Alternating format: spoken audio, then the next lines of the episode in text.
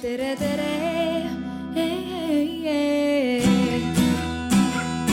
Eestimaa.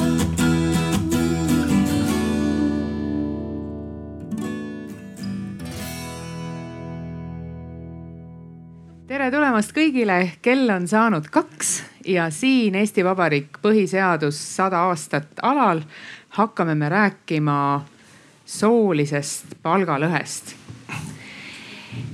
Kõigepealt ma alustan äh, meie panelistide tutvustusest. kõige tähtsam inimene on meil meie viipekeeletõlk Regina Paabo viipekeeletõlkide osaühingust. aitäh, et täna meid aitab. ja temal ei ole mikrofoni, nii et tema käest ma täpsustavaid küsimusi ei küsi, aga lähen, me panelistid nii kergesti ei pääse. kõige esimene on Jaan Maasso. Ole hea, räägi, kust sa tuled ja milline on sinu isiklik kokkupuude soolise palgalõhega, kas sina oled ka tundnud, et sinu kahjuks või sinu kahju, kasuks on soolist palgalõhet? Oh, tere ka minu poolt. noh, ma olen muidugi soolise palgalõhega rohkem äh, kokku puutunud noh teadlasena seda uurides. isiklik kokkupuude, et noh, kuna ma töötan Tartu Ülikoolis, äh, noh, ma olen ka natukene väikese üksuse juht, pean ka otsustama palkade osas. eks ma olen ka natuke võib-olla, ma ei ole tundnud, et mina teeniks liiga vähe, aga et ma võib-olla ka tunnen, noh, mõnikord olen ma tundnud seda, et ilmselt tajutakse ka isegi avalikus sektoris või ka akadeemilises sektoris on see probleem. noh, me pärast lähme natuke spetsiifilisemaks, räägime näiteks palga läbirääkimistest, et ma olen ka vahel tundnud, et võib-olla ka osad naisterahvad tunnevad, et et kas te neid austate õiglaselt või et mingil põhjusel nemad nagu ei suuda endale seda Eh, õiglast või noh, nende oskustele vastavat eh, palka küsida, et noh, hiljuti käis eh, meediast eriti läbi just see uue haridusameti või kuidas seda asutust täpselt noh nimetati, et tema antud juhul, kus naine oskas talle väga hästi palka küsida. noh, ta tuli küll erasektorist ja mis oli siis nagu lõpuks nagu probleem, aga noh, see on natuke, mis, kui me läheme pärast poliitikameetmete juurde, millest me ka argumenteerime ka, et ka naiste see palga läbikäimise küsimus. ja teine see isiklik perspektiiv on, et noh, ma tulen muidugi avalikus sektoris ka töötajana ja ka noh niivõrd tööandja, kuivõrd noh, meie uuringud on rohkem küll kõik erasektorist, me räägime nüüd välisettevõtete rollist ja innovatsioonist.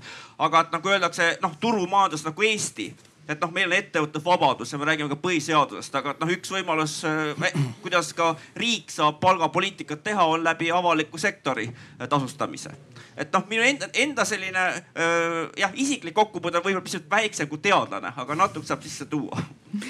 Aitäh, Annika Räim nimeta, kust sina tuled, aga ütle ka seda, et sa oled väga pikka aega tegelenud inimeste tööle võtmisega ja tead seda ettevõtluse poolt väga hästi. sageli süüdistatakse seda soolise palgalõhe teemat selles, et seda ei ole olemas et kuidas sulle tundub, et kas siis see teema on olemas või see teema ei ole olemas? Mhm. aitäh, tere mina tõepoolest olen, äh, aus ülestunnistus on öelda, et kakskümmend viis aastat äh, töötanud peale esimese ülikooli lõpetamist ja sellest siis ka kõik, kõik see aeg tõesti tegelenud alates inimeste värbamise, valimise, läbirääkimistega, nende töölevõtmisel, juhtide toetamisel selles ja sealt edasi siis nendele arenguteede ja, ja toe pakkumisega. Ja lisaks ja seda siis jah, peamiselt erasektoris, aga, aga selline viimaste aastate elevuse tekitaja ühe unistuse realiseerumine siis on selles, et et umbes poolteist aastat tagasi sai minust ühe kohaliku omavalitsuse üldhariduskooli koolijuht kuna minu esimene haridus on õpetajaharidus, siis kuidagi kakskümmend neli aastat hiljem ma jõudsin kooli tagasi, nullist kooli looma ja nüüd siis esimesel septembril see kool avab uksed. Ehk ma siis saan tuua ka sisse väga selgelt oma juhi kogemuse avalikus sektoris, kohalikus omavalitsuses ja, ja haridussektoris, et see on minu, minu sellist vaadet elule ja, ja üldse ka ütleme siis palgateemadele korralikult laiendanud. Ja nüüd vastus küsimusele kuna mul on olnud võimalus koostööd teha väga erinevate organisatsioonidega, nii suuruse kui omanike tausta kui valdkonna mõttes, siis ma vastan lihtsalt väga lühidalt, et jah meil on olemas palgalõhe teema ja see on nii-öelda siis nagu naiste kahjuks. see on minu kogemus nii teadlane, erasektor, koolidirektor jälle teadlane Priit Vahter no,. tere ka minu poolt. mis Tervist. mõttes, ma tean, et sa uurid soolist palgalõhet, nii nagu su kolleeg Jaan Massogi. mis mõttes mees uurib soolist palgalõhet? mis mõttes mees uurib soolist palgalõhet? seal on natuke egoistlik argumentatsioon siin taga, et see on niivõrd huvitav teadlase jaoks, päris ausalt öeldes. et üritada mõista, mis on palgalõhe tegurid, miks need erinevad siis ka eri tüüpi tegevuskeskkondades, ettevõtetes. et ma tulen natuke teisest valdkonnast palgalõhe peale, et minu põhiline uurimisvaldkond on ettevõtete rahvusvahelistumine, tootlikkuse tegurid, innovatsioon ettevõtetes ja nende tegurite analüüs. ja päris huvitav on tõesti üritada mõista, kuidas need omavad järelmeid tööjõuturul, et kes siis võidab innovati-, innovatsioonist ettevõttes, kes võidab suuremast edust ettevõttest, kas mehed rohkem võidavad või naised võidavad. ja sellel on nagu laiem ka selle produktiivsuse, efektiivsusega seotud aspekt. et ühelt poolt on meil õigluse printsiip ühelt poolt, mis on oluline palgalõhe juures, aga teisalt on ka ühiskonna efektiivsuse aspekt. et mõista, et kuidas siis see ebaefektiivne talendi ärakasutamine või talendi potentsiaali ärakasutamine, milliseid mõjusid see nii-öelda ka agregeeritud tasandil omab, et see on mulle eriti, eriti põnev, et kui suured need efektid on ma kõigepealt ütlen selle mm, vahemärkuse, et ma, ma mõnikord küsin selliseid natuke teravamaid küsimusi, siis need küsimused alati ei väljenda minu ametkondlikku ega ka mitte isiklikku arvamust, vaid ma küsin küsimusi nii nagu ähm, võrdsed võimaluste voliniku kantseleilt neid küsimusi üsna sageli küsitakse ja eeldades, et need küsimused on siis inimestel olemas, edastan neid siin, aga need ei väljenda alati minu e, isiklikku ega ammugi mitte ametkondlikku seisukohta ja täpselt samamoodi ei väljenda minu isiklikku ega ammugi mitte ka ametkondlikku seisukohta küsimus meie järgmisele teadlasele, Triin Roosalule. et sina tuled Tallinna Ülikoolist et noh, kas hobusevargad siis millegi muuga ei tegelegi kui ainult soo kui konstruktsiooniga seal tegeletakse teiste asjadega ka, aga see on üks väga oluline teema. me oleme viimastel aastatel märganud, et isegi sisseastujad tunnevad, et mujal sellega ei tegeleta, et siis äh, tulevad ja kuulavad meie käest, et kuidas, kuidas see käib. et, äh, et ma olen sellise soolise ebavõrdsuse, üldse soolistatud ühiskonna teemadega, me oleme tõesti aastaid tegelenud ja see on olnud nagu kilbil, et niisiis ja korralduslikust poolest veel see, et äh, meil on ka kuulajate küsimuste jaoks mikrofon. Äh, andke käega märku, kui ma kohe ei märka, siis vehkige selle käega lihtsalt natukene pikemalt ja võtame küsimusi nii vahele kui ka lõpus. et on täiesti erakordne võimalus äh, teadlastelt kõige selle kohta küsida, aga nüüd me oleme põhiseadus, põhiseaduse alal ja kui me vaatame seda ilusat raamatut, mille nimi on siis Eesti Vabariigi põhiseadus, mis on Eestis rahvahääletusel üsna suure toetusega vastu võetud. siis kui me mõtleme sellele tänasele teemale, mis räägib äh, soolisest võrdõiguslikkusest ja palga määramisest, palga saamisest sealjuures, siis siin on üsna mitu vastuolu. et põhiseadus paragrahv kaksteist ütleb meile seda, et äh, mitte kedagi ei tohi diskrimineerida soo tõttu. Siis paragrahv kolmteist ütleb meile seda, et seadus kaitseb igaühte riigivõimu omavoli eest siis on meil paragrahv kakskümmend kuus näiteks, mis ütleb meile seda, et igalühel on õigus perekonna eraelu puutumatusele ja riigiasutused ega ei tohi kuidagi sekkuda perekonna ega eraellu. noh näiteks sellesse, et kes kodus nõusid peseb, see ei ole riigiasutuste asi. Eh, aga samas paragrahv kakskümmend seitse ütleb meile, et perekond on rahva püsimise ja kasvamise ning ühiskonna alusena riigi kaitse all, abikaasad on võrdõiguslikud. Ja lisaks äh, paragrahv kolmkümmend kaks räägib meile seda, et igaühe omand on puutumatu, võrdselt kaitstud ja igalühel on õigus enda omandit vabalt vallata, kasutada ja käsutada. et äh, siin on palju justkui nagu põrkuvaid õigusi ja nendest põrkuvatest õigustest me tegelikult täna räägimegi, et kuidas need äh, omavahel mõnikord suusad risti minevad teemad siis tegelikult välja näevad, mida on teadlased teada saanud kõige värskematest uuringutest. minu nimi on Liisa Pakosta ja töötan võrdsete võimaluste volinikuna ja tänane paneel on seotud kahe suure teadusprojektiga, mis Eestis parasjagu on käimas.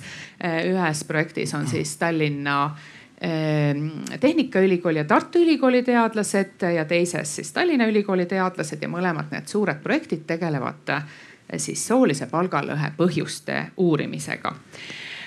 aga ma kasutan eelmise paneeli juhi härra Lehtsaare võimalust siin ka, et kui te natukene liigutate oma käsi ja eh, kuidas tal oligi see, et kui ma panen käe siia, siis ma tegelikult ei tea päris täpselt, mis asi see sooline palgalõhe on. kui ma panen käe siia siis ma natukene midagi tean ja kui ma tõstan käe püsti, siis ma tean üsna täpselt, mis asi on sooline palgalõhe. ma palun teil kõigil nüüd oma kas vasaku või parema käega see liigutus teha ma eriti täpselt ei tea, ma enam-vähem tean ja ma väga täpselt tean, mis asi on sooline palgalõhe. kuskil siin. väga teadlikud, kas keegi oskab selle valemi ka kohe muidu öelda või? Need, kes käe püsti tõstsid, et kuidas seda arvutatakse? kas tõuseb mõni käsi? ei tõusnud ühtegi. Eh, soolise palgalõhe teadasaamiseks võetakse meeste keskmine brutopalk, lahutatakse sellest naiste keskmine brutopalk, jagatakse see meeste keskmise brutopalgaga ning korrutatakse sajaga. see ongi sooline palgalõhe. või on sellele mingisuguseid, eh, kuidas teie seletaksite, Jaan? ma nüüd kasutan veel korra seda rivi mis asi see sooline palgalõhe ikkagi nagu on? ma arvan, see oli äh, väga hea äh, sissejuhatus ja noh, siin alati võib öelda, et noh, sa rääkisid keskmisest palgast, et kuna seda jällegi Statistikaamet kõige rohkem avaldab, eks see on palju räägitud, et mida see tähendab, et, et noh, mina ei oska mingist keskmisest palgast undki näha, et noh, öeldakse, eks mediaanpalk on see, mis on oluline, võib ka mediaanpalga juures arvustada. aga teisiti on see, et ikkagi see on niivõrd äh, kompleksne fenomen, et tavaliselt on see, et ikkagi me vaatame seda noh, erinevate palgajaotuse tasemete juures, et tegelikult nagu siin öeldi, et kas see eksisteerib või mitte, siis noh, see tõendusmaterjal, see, eksisteerib tegelikult suhteliselt igal pool, kas me vaatame nüüd äh, väikseid ettevõtteid või suuri ettevõtteid, erinevaid alad, ametialasid, juhte või äh, arste või äh, olid nüüd väga otsitud, mitte otsitud näited, aga väga väiksed väited, näited ka nagu trammijuhid või kus, kus see nagu vahe oli nagu teisipidi, aga noh, üldiselt need numbrid erinevad, aga üldiselt ükskõik kuhu me tööturul ei vaata, Eestis naised teenivad äh, vähem kui äh, mehed ja ma ei tea, kas ma räägin veel, äh, miks see teema on oluline või? no lase tulla. pärast diskrimineerimise kohta küsida, ma võin ka siis küsida, rääkida. no hea küll, lähme siis, äh, võtame selle diskrimineerimise eraldi ette, et äh, Priit Vahter, jätkan küsimusega sinu poole vaadates, et kas see on ainult Eestis niimoodi, et me Eesti, see, et Eestis on maailma kõige suurem palgalõhe seda me kuuleme kogu aeg ja kogu aeg, aga kas see on ainult Eestis niimoodi, et see palgalõhe on naiste kahjuks? ei, see on praktiliselt kõikjal maailmas on see nii, et äh, palgalõhe on naiste kahjuks. Eestis oli ta siis kaks tuhat üheksateist Statistikaameti arvutuste järgi oli seitseteist koma üks protsenti oli moodustus, oli palgalõhe. et mis on ikkagi märkimis, märkimisväärne suurus ja näiteks Eurostati arvutuste järgi natuke erineva valimi põhjal on see suurem, see number olnud.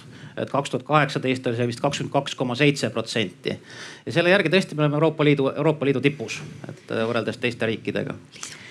Triin Roosalu eh,, miks naiste kahjuks? miks igal pool naiste kahjuks, no Eestis ja ma saan aru, Eestis on naistel väga raske, aga miks igal pool naiste kahjuks? me oleme tegelikult seda ka mõelnud, et järsku ongi soolisel palgalõhel mingi optimaalne suurus ja, ja, ja see asi, mida, mida naised saavad selle eest, et nad vähem palka saavad, et võib-olla see on üks väga hea asi et näiteks äh, nad on äh, meeste ülalpeetavad äh, ja see on võib-olla väga tore, et nad ei pea teenima ise ja enda eest seisma. Ja osades riikides võib-olla ähm, sellised riiklikud mehhanismid, mis hüvitavad naistele selle, et nad vähem teenivad, võtavad naistelt selle surve maha, et nad ei peagi pingutama tööturu pärast. Ja põhimõtteliselt on võimalik näha, et soolisel palgalõhel äkki on mingi hea põhjus, miks ta tõesti olemas on. Ähm, mina päris täpselt aru ei ole saanud, mis see põhjus on? Et äh, on ilmselge, et see väljendab mingisuguseid laiemaid asju ühiskonnas, mitte ainult seda konkreetset palganumbrit, mida üks naine on läbi rääkinud äh, oma ülemusega või üks mees on läbi rääkinud oma ülemusega, vaid mingisugused palju suuremad, keerulisemad konstruktsioonid, mis tõesti ühiskonnas on konstruktsioonid. ehk siis äh, mida me arvame, mida naistel on õige teha, mida me arvame, mis on väärtuslik asi ühiskonnas. Ja ilmselt see see kokkuvõttes on viinud sinna, et meil on sooline palgalõhe.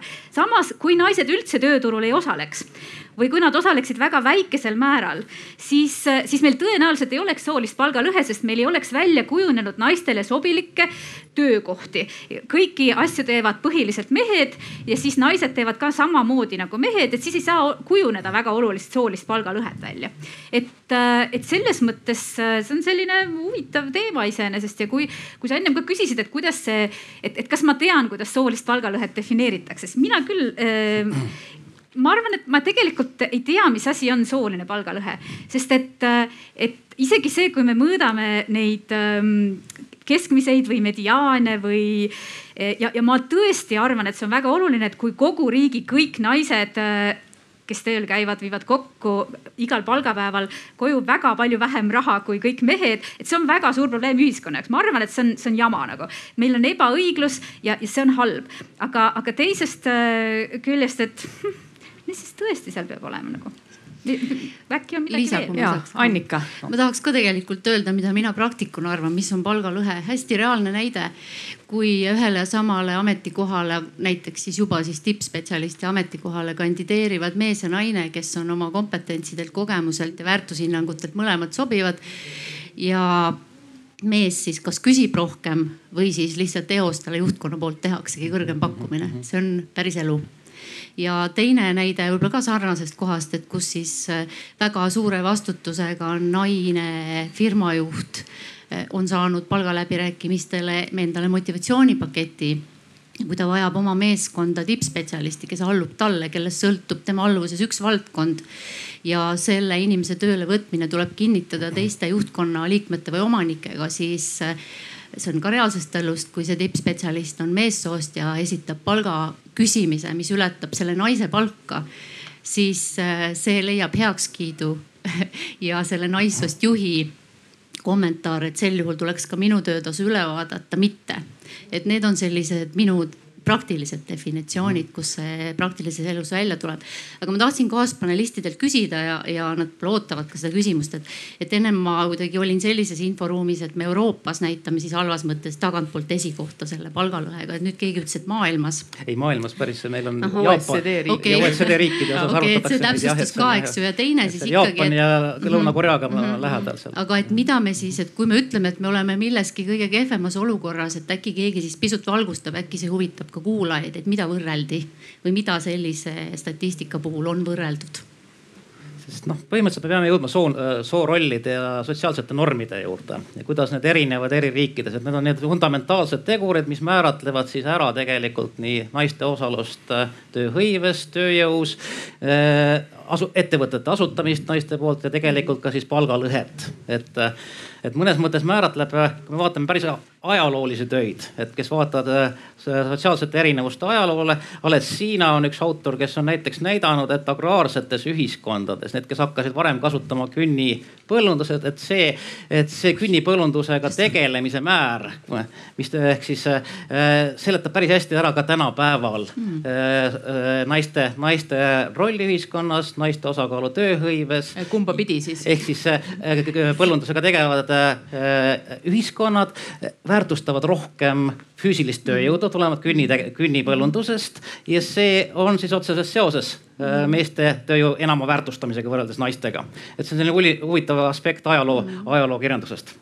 Triin ja et, et see võib seletada, kuidas see on tekkinud. jah, seda täpselt, aga. just, just, et aga ja. miks ta ikkagi meil püsib, et miks me ikka oleme nõus, et ta püsib, et see, see, see on, see on see asi, et. sest no vahel arvatakse, et see muutub nagu generatsioonidega, et, et on vaja generatsioonide vahelist liikumist selleks, et see väga pikaajalised need sotsiaalsed normid saaks hakata tasapisi erodeeruma kas äh, mõiste sotsiaalne norm vajab äkki lahti selgitamist, et äh, Triin, sina nimetasid sotsiaalne konstruktsioon ja sinu üle näo levis lai naeratus.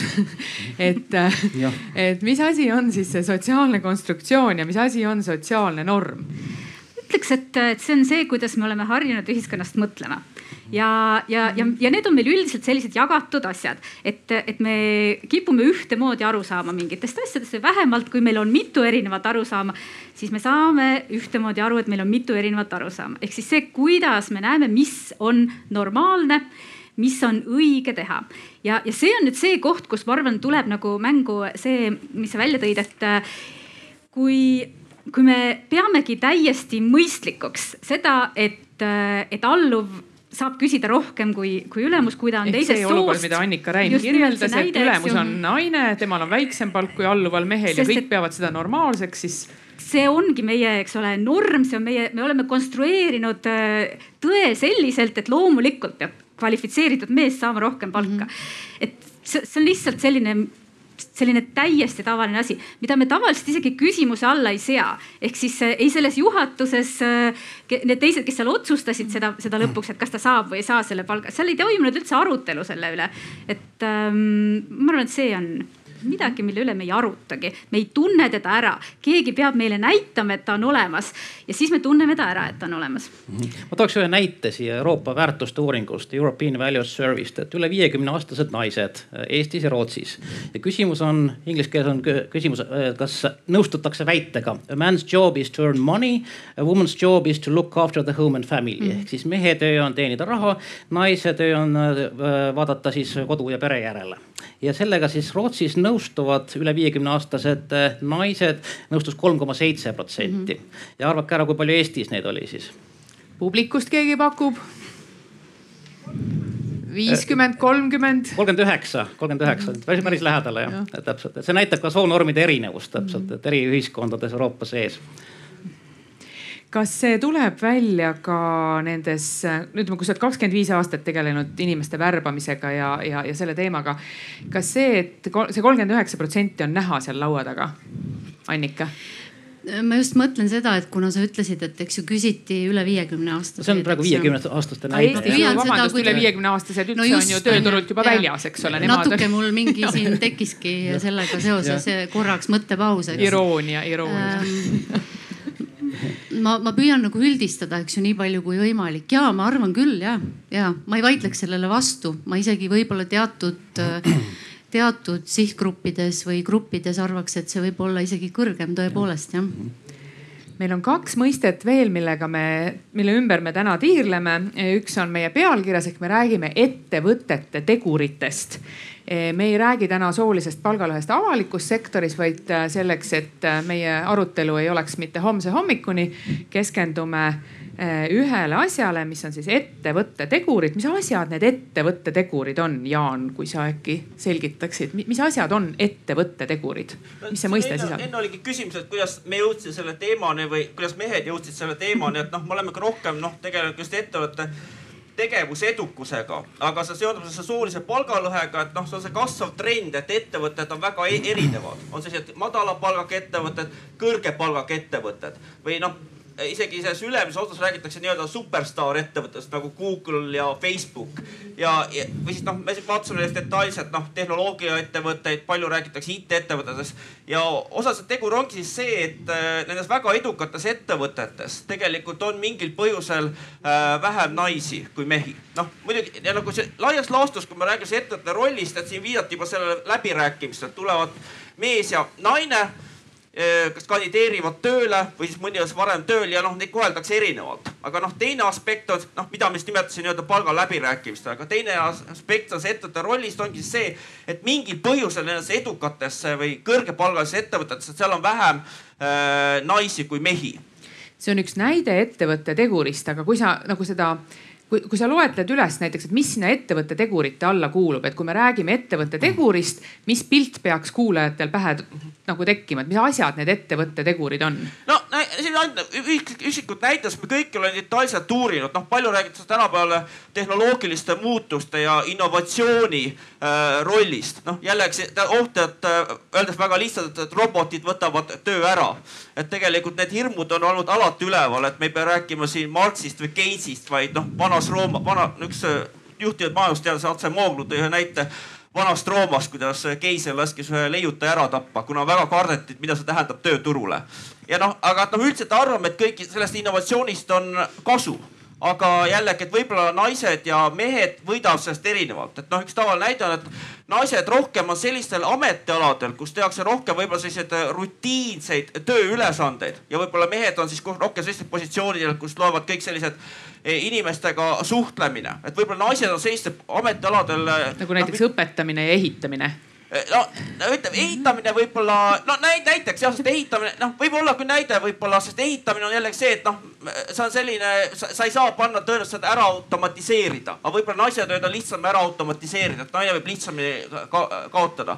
teine näide, mida ma olen Priiduga palju detailselt uurinud, on just noh, ettevõtte välisosalus või ütleme laiemalt ka rahvusvaheline eksportimine et eh, noh, üldiselt välisettevõtted on eh, head tööandjad, seal on kõrgemad palgad. no on olnud probleem, et paar aastat tagasi käis vist eh, arutelust läbi just see Rakvere lihakombinaadi näide ja töötüli, tüli, mis siis kuulus nagu Soome omanikele. aga noh, vaatamata sellele välisosalusega ettevõtted on head tööandjad. aga kuidas see sooline palgalõhe tuleb sisse just noh, me just näitasime ka, et välisettevõttes töötades nii naiste kui meeste palk on kõrgem, aga naised teenivad sellest vähem. noh, me tõime erinevad näited, et kui näiteks ettevõte omandatakse välisomaniku poolt, et siis noh, on kaasneb üldine palgakasv, aga naistel vähem. ja samamoodi näitasime, et kui näiteks noh, naine vahetab töökohta ja mees vahetab töökohta, läheb äh, kodumaisest või Eesti omanike ettevõttest välisettevõttesse. Mõlemad võidavad, aga naine võidab vähem kui mees. nii et noh, me arvame ka, et see ei ole lihtsalt noh, noh on midagi numbrites, aga et noh, väidame, et tõesti see ongi põhjuslik seos. noh, sama nagu toodi siin näite sellest, mis toimus palgaläbirääkimistel. et äh, noh, üldiselt äh, me, me väidame, et need välisosalusega ettevõtted on head, aga mehed võidavad nendest töötamist rohkem kui naised. ma, jah, kui sa lubad, äh, esiteks ma, ma üldse ei taha nõus olla sellega, et naiste tööd on automatiseeritavad ja meeste omad mitte. et võib-olla ma siin üldse võtaks sellise nagu teatud mõttes positiivse sooneutraalse rolli, et on väga palju erinevaid ameteid ja nendes töötavad nii naised kui mehed ja osad on neist lihtsamini asendatavad ja osad jäävad alati kaasamõtlemise, empaatia, mida saab, eks ju, ainult inimene inimesega luua. et seesama, mis sa Liisa korraks ütlesid, et mul tuli ka pähe õpetaja versus siis võib-olla tõesti tehases, eks ju, küll kõrge kvalifikatsiooniga liinitööline. et, et ma, ma lihtsalt isiklikult siis väljendan ka oma nii isiklikku kui professionaalset arvamust, et ma, ma ei ole, ei ole nõus. ma võin sekkuda, ma ei taha öelda, et see on absoluutne, aga lihtsalt noh, ühes EBRD läbi viidud uuringus nii leiti, et jällegi ma olen täiesti nõus, et ametialad on noh väga erinevad ja, ja kõik need uuringud noh võib-olla olete, osad on kuulnud, on räägitud läbi, et võib-olla paarikümne aasta pärast äh, võib-olla siis pooled töökohad äh, kaovad ära, aga noh, kõik need hinnangud on äh, niivõrd hinnangulised, et mis seal viidati nii-öelda see Gartneri kõver, et noh, meil on väga suur tendents ka neid muudatuste mõjusid üle hinnata, et noh me ei tea täpselt, mis tulevik toob. et no ma olen täiesti nõus, et see on lihtsalt äh, jätkuva diskussiooni objektiks. tegelikult ma, ma püüan pärast automatiseerimise juurde tulla tagasi, et see on väga ülihuvitav teema, kusjuures selle kohta on IMF-ilt ja EBRD-lt ilmunud Euroopa, Euroopa Rekonstruktsiooni Arengupangalt ilmunud mõningad huvitavad tööd kahel viimasel aastal.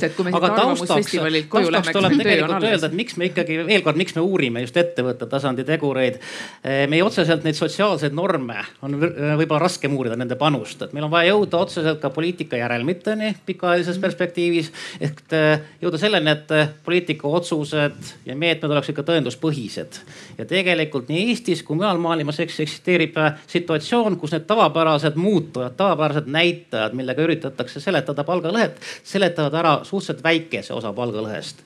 või ka tavapärased näitajad nagu haridus, sektor, kus töötatakse, vanus või üldine ametiala. et nende võime seletada meeste-naiste palgalõhet on ajaloos kahanenud et meil on vaja tähelepanu pöörata teistele teguritele. näiteks mõningad uuringud varasemalt on näidanud, et need juba nimetatud klassikalised näitajad seletavad ära, jätavad seletamata umbes kaks kolmandikku Eesti palgalõhest. ehk selleks, et jõuda tõenduspõhiste meetmeteni ja saada aru, mis siis äh, mõjutab äh, konkreetselt palgalõhet, mitte ainult, et öelda, et sotsiaalsed normid mõjutavad, vaid konkreetsemalt on meil ikkagi vaja detailseid analüüse ka äh, faktoritest, mida on vähem uuritud.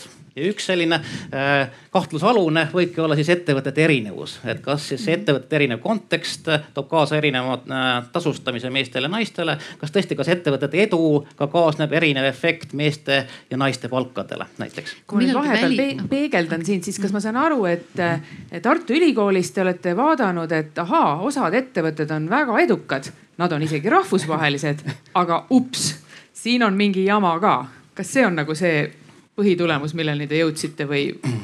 ei no põhitulemus on see, et me näitame, et ettevõtte tasandil ettevõtete segregatsioon ettevõtete vaheline segregatsioon, töötajate segregatsioon eri tüüpi ettevõtetesse, erineva tootlikkustasemega ettevõtetesse ja siis see jääkefekt ettevõtete sees seletavad ära väga suure osa palgalõhest Eestis. ehk kokku umbes ühe kolmandiku ehk tegelikult kolmkümmend viis protsenti palgalõhest on seletatav sisuliselt segregatsiooniga, meeste-naiste erineva segregatsiooniga, erineva tootlikkustasemega ettevõtetesse esiteks. ehk siis naised lähevad tööle madalama tootlikkustasemega ettevõtetesse keskmiselt, mehed kõrgema tootlikkustasemega. ja siis meil täiendavalt see ettevõtte sisene, kui me juba seda segregatsiooni, erinevat segregatsiooni oleme arvesse võtnud, et see ettevõtte sisene komponent eh, panustab ka oluliselt. et kokku üks kolmandik või kolmkümmend viis protsenti kogu palgalõhest on siis seletatav ettevõtete karakteristikutega, sealhulgas seesama välisinvesteeringud, innovatsioon ja paljud-paljud teised kindlasti lisaks veel. ehk kui ma selle eesti keelde tõlgin, siis just. on see enam-vähem niimoodi, et naine läheb tööturule ja vaatab, et oo, otsime siit nüüd mõned madalama palgaga ettevõtted ja mina kandideerin sinna. ja mehed vaatavad, et oo, otsime siin nüüd kõrgema palgaga ettevõtted ja mina kandideerin sinna osaliselt võib seda nii isegi peaaegu tõlgendada, kui see, see on nagu eks ekstreemumis viidud vaade. et aga sarnased seosed kehtivad ka mujal, et äh, Portugalis näiteks on leitud David Cardi poolt California ülikoolist sarnane efekt. Äh, Itaalias on leitud sarnaseid olulisi efekte, Prantsusmaal, Saksamaal. nii et, et ettevõtte tasandi rollid, ettevõtete tootlikkuse rollid, see, kuidas ettevõtete edu või tootlikkus kandub üle tööturule, et see on tegelikult päris oluline küsimus. segregeerumine äh, mitte ainult siis ametiala järgi või hariduse järgi, vaid ettevõtetesse, eri tüüpi ettevõtetesse, erineva edutasemega ettevõtetesse on märkimisväärne kõigis, kõigis uuritud riikides Triin Roosalu, miks siis naised nii rumalad on ja öö, meie kolleeg Triin seal trepi peal on küsimus, kui sa saaksid mikrofoniga vahepeal liikuda sinnapoole mm. -hmm. aga miks on naised siis, kas nad on rumalad või? ja et, et, et, et hea küsimus, et, et, et üks põhjendus, mida peetakse, et miks, miks võiks palgalõhe olla õiglane, eks ole, et miks öeldakse, et, et üks inimene võikski saada rohkem raha kui teine inimene need tulenevad pigem sellest indiviidi tasandi teguritest, eks ole. et, et, et sa eeldad, et kui inimesel on rohkem haridust, kui ta on käinud rohkem koolitustel, mis iganes, ta on tööandjale väärtuslikum. või et kui ta on natuke vanem inimene juba, siis tal on staaži kogunenud, ta on tööandjale väärtuslikum, siis on loogiline, et ta saab rohkem palka. või siis kui ta teeb pikki töötunde, ta järelikult ja. panustab õudselt palju ise, siis tundub õiglane, et muidugi need teised teevad vähem palka.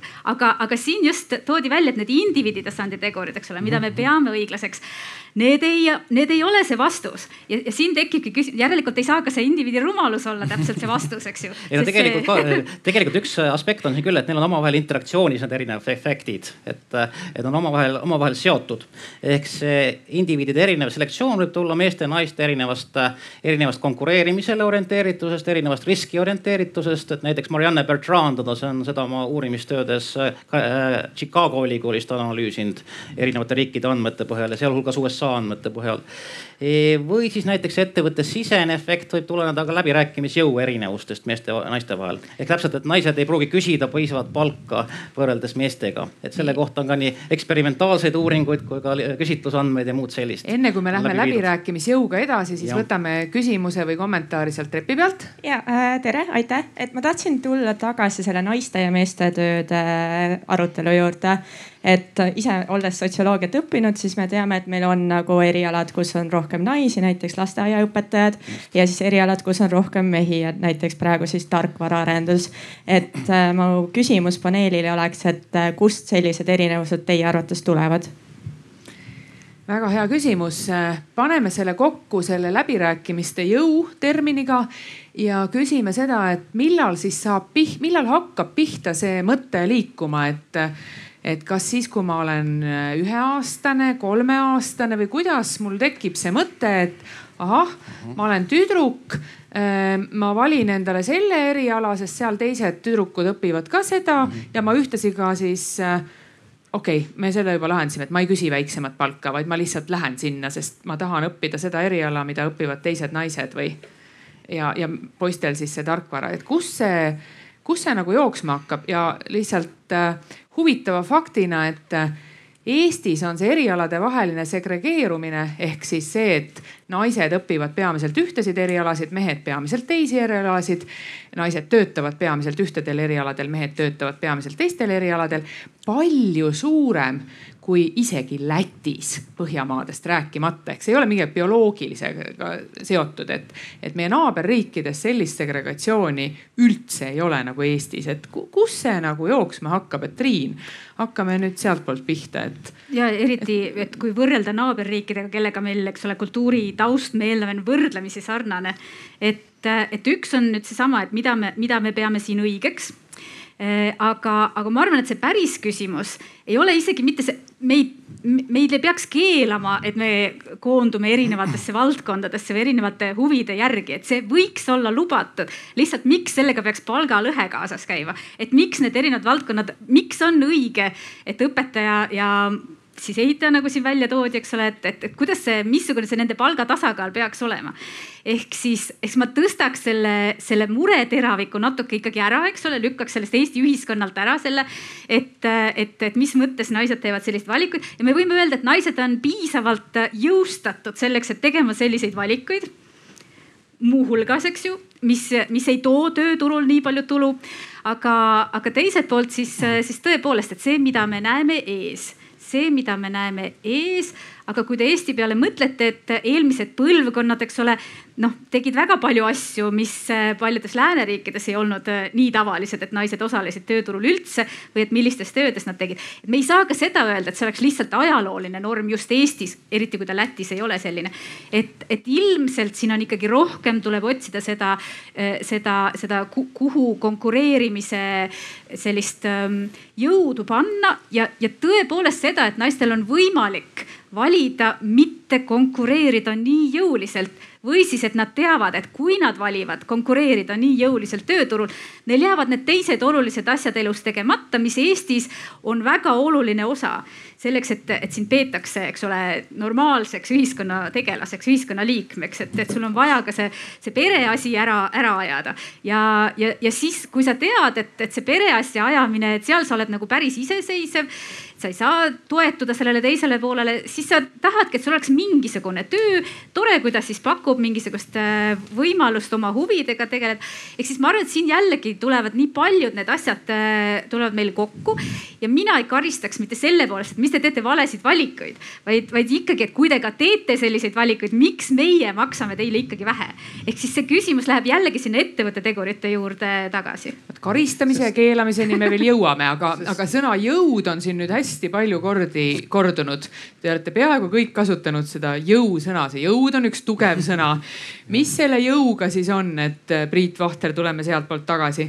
nii läbirääkimisjõu koha pealt siis näiteks. näiteks jah, et mida te näete, kui te uurite seda? sees võiks olla oluliselt suur palgalõhe sarnase oskuste ja omadustega naiste vahel võib tõesti olla läbirääkimisjõu erinevused, et selle koha pealt on üks näide jällegi ka sellistest äh, teadlastest, kes uurivad palgalõhet et palgalõhe siis, äh, palgalõhe uurijate seas.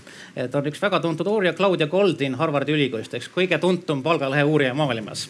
ja tema on jutustanud ühes oma intervjuus loo, et kus tema äh, pakkus konsultatsiooniteenust, talt küsiti konsultatsiooniteenust, retsensiooni ühele võrdõiguslikkuse raportile ühest rahvusvahelisest organisatsioonist. ta küsis, talle pakuti selle eest kaks tuhat dollarit, ta võttis selle vastu ja siis äh, alles äh, tükk aega hiljem talle äh, tasahilju öeldi tuttavate poolt, et äh, samasuguse retsensiooni esitasid kaks meest. Ja need kaks meest said selle retsensiooni eest üks koma viis või kuni kaks korda rohkem tasu. mm ja Claudia Goldini interpretatsioon oli see, et see ei olnud mitte otsene diskrimineerimine, ta, võiks ka niimoodi äh, interpreteerida, vaid et see oli siis sisuliselt tulenes sellest, et tema ei küsinud. et need kaks meest ütlesid täpselt, mis on nende taks, et see on see tasu, mida mina tahan ja selle nad ka said. ja kuna Claudia Goldin ei kehtestanud ennast, ei küsinud ennast enda jaoks sellist kõrgemat tasu, oli rahul selle nii-öelda keskmise tasuga, et siis see oli see, mis ta sai. ehk siis äh, naised ei küsi palka, on võib-olla see üks, üks näide siinkohal seal kas te tõesti olete tea-, ma küsin selle veel üle, et kas te olete tõesti seda teadlastena uurides, jälgides vaadanud ja näinud, et ka tõenduspõhiselt naised lihtsalt ei küsi palka nii äh, siin jah, Annikale annan võib-olla vahepeal ja siis tagasi. ja mina, ma puudutaks seda teemat, aga korra, tuleks korra tagasi selleni, mis hetkel toimub see valik, et lihtsalt paari kommentaari, sest ma ei tea, kas see teema veel tuleb üles, aga aga, aga siin nagu jätkates, et võin teile ühe isikliku loo rääkida, et minu ühest hiljutisest või hilisema aja palgaläbirääkimisest, kus ma tõesti nagu väga-väga tahtsin seda rolli, sest see oli seotud minu jaoks väga suure sellise nagu väärtusmaailma teemaga. ja ma küsisin palga, millest ma niikuinii juba nagu võtsin alla selle, mis ma arvasin, et see võiks väärt olla, kuidagi empaatiliselt suhtudes tööandjasse ja kui ma siis kohtusin tööandjaga ja ta ütles, et sellest peaks nüüd veel viisteist protsenti alla võtma, siis ma pärast ei suutnud nagu aru saada, kust tuli mul seal kohapeal kohe see jaa ja, ja ma mõtlesin, et see oli mingisugune kiire emotsionaalne sisemine dialoog, aga kust nad võtavad selle raha, et tõesti. ja, ja ma olin nõus sellega sellepärast, et ma suutsin endale juba öelda vaikselt pea sees, et, et ma pean neile vastu tulema ja ma sellel hetkel kuidagi ja see on nüüd see, mida ma ei oskagi väga selgelt ja teaduspõhiselt põhjendada, miks ma nii käitusin. ja sellele veel siis kõrvalargument, et kui ma seda ühele sarnas, minuga sarnase profiiliga meesterahvale rääkisin detailselt, siis ta ütles, et see ei ole normaalne. Et miks, miks sa nagu selle vastu, nad oleks leidnud selle raha ja, ja ma ei oskagi siit edasi minna, et see on lihtsalt see näide, et, et mingisugune, ma ei tea, ajalooline kood käivitub, olla hästi empaatiline, arvestav teise poolega. et temal on raske, et ma saan hakkama, et ma tulen nagu vastu naisena. eksperimentaalsetes uuringutes näidatud sellist ka riski suhtumise erinevust, jällegi mhm. konkurentsieerivatesse mm -hmm. situatsioonidesse suhtumise erinevust. et võetakse ette näiteks tudengid, kuna tudengid on sellised head laborirotid, kes on alati uurijatele kättesaadavad, tehakse nende põhjal sellist riski hindamist, et kuivõrd erinevad siis naiste riskant, riskile orienteeritus, meeste riskile orienteeritus. ja mõningates uuringutes on seejärel vaadatud, mis juhtub nende tudengitega tulevikus pärast seda, kui nad lõpetavad mm. -hmm. et kas see riskide võtmisse, konkureerivatesse situatsioonidesse suhtumine määratleb ära nende palka. Ja on leitud näiteks, et circa kümme protsendi palgalõhest eh, ärinduse valdkonna lõpetajate osas tippülikoolis võib seletada sellise erineva riskeerimisse, erineva konkureerimisse suhtumisega nii, see oli kümme. teatud osa, kümme protsenti palgalõhest antud USA kontekstis võis seletada sellise riski ja konkureerimise suhtumisega. aga teie oma uuringutes olete ikkagi ühe kolmandiku sellest soolisest palgalõhest ära selgitanud ettevõtte teguritega, et ma saan aru, et need palgaläbirääkimised ja erinev siis jõukasutus palgaläbirääkimistel naiste ja meeste poolt on sellest üks osa. aga jah. mis aga seda kolmandikku veel sisustab, et, et? mul endal on hüpotees, et see võiks olla paindlikkus tööandja hüvanguks eduks mm. -hmm. et seda me otseselt ei testi, aga seda on uuritud mõningates teistes töödes, et ka Norra näitel, et Beata Ivortšik, EBRD äh, peaökonomist on seda oma karjääri jooksul ka analüüsinud, et e, et paindlikkus on üsna palju töökohti ja ametialasid, mis hindavad rohkem paindlikkust tööandja hüvanguks, kakskümmend neli seitse kättesaadavust, äh, meilidele vastamist hilisel õhtusel ajal, laupäev, pühapäev, telefonile vastamist väljaspool tööaega ja nii edasi ja nii edasi. ehk annavad sellise lisaväärtuse selle tööandja jaoks. Mm. Need, need töötajad nende tööandjate hinnangul, kes siis sellist paindlikkust pakuvad ja esiteks on siin noh, ametialad võib välja tuua advokaadid kui väga sihuke konkurentsitihedad keskkonnad, ärinduse valdkonnad, finantsvaldkonnad, kus see on eriti oluline kui nagu üldised valdkonnad. ja ettevõtete tüübiti on üks hüpotees, et see võiks olla ka sellist üks, üks efekt, mis on sellist kiiremini arenevates dünaamilistes keskkondades, et seal selline kakskümmend neli seitse kättesaadavus, pidevalt online olemine, pidevalt tööandja jaoks seal olemine, probleemide lahendamiseks valmis olemine võib anda olulise palgalisa kiiresti arenevates innovatiivsetes keskkondades, rahvusvahelisemates keskkondades. et on, võib, võib ju mõelda, et ekspordijuht peab tõesti, ei saa öelda, et ta reede õhtul alati ei võta telefoni vastu, et kui talle Aasiast või USA-st helistatakse. et see võib kasvatada siis seda meeste mõnes mõttes läbirääkimisjõudu või jõudu endale palka rohkem välja rääkida.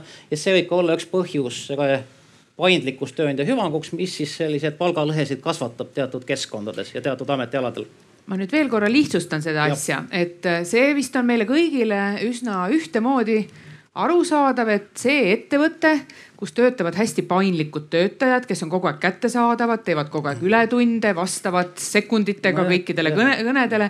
et need ettevõtted võivadki olla edukamad mm. -hmm nüüd äh, nendesse edukamatesse ettevõtetesse, kus on võimekus ka maksta rohkem palka, sellepärast et töötajad on rohkem paindlikumad mm, -hmm. koonduvad peamiselt mehed. jah, äh, mehed ja ilma laste, mehed ja ilma laste ja äh, omaste hooldekohustuseta naised rohkem, et siis me peaks rääkima kolmest eri tüübist, eks mehed, laste ja omaste hooldekohustusega naised ja siis ülejäänud, ülejäänud naised.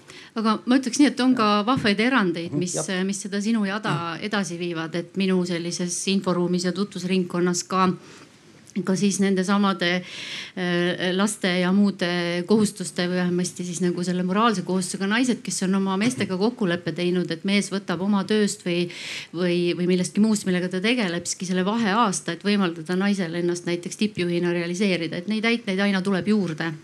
et, et see on positiivne. samas see paindlikkuse küsimus ja e, sisuliselt me jõuame töö ja eraelu tasakaalu tagamiseni, et sellel on omamoodi hind, eks töötajad, kelle jaoks on tähtis, et nendel kaasneb sellega maailmas, mitte ainult Eestis, vaid USA-s ja mujal, negatiivne palgapreemia oluliselt tihti. et kui teil on vaja osaajaga töötamist ja selliseid aspekte, eh, teil on vaja eh, paindlikkust just enda jaoks, mitte tööandja jaoks, siis paljudes kontekstides, paljudel ametialadel sellega on see märkimisväärne negatiivne efekt. advokatuuri näide on päris mm. markantne siin. võib-olla Eesti puhul võib ka välja tuua, et see võiks Eesti puhul mingit rolli mängida, et Maja Vadi professor Maja Vadi ja dotsent Anne Reino on teinud ühe advokaadibüroode uuringu Eestis.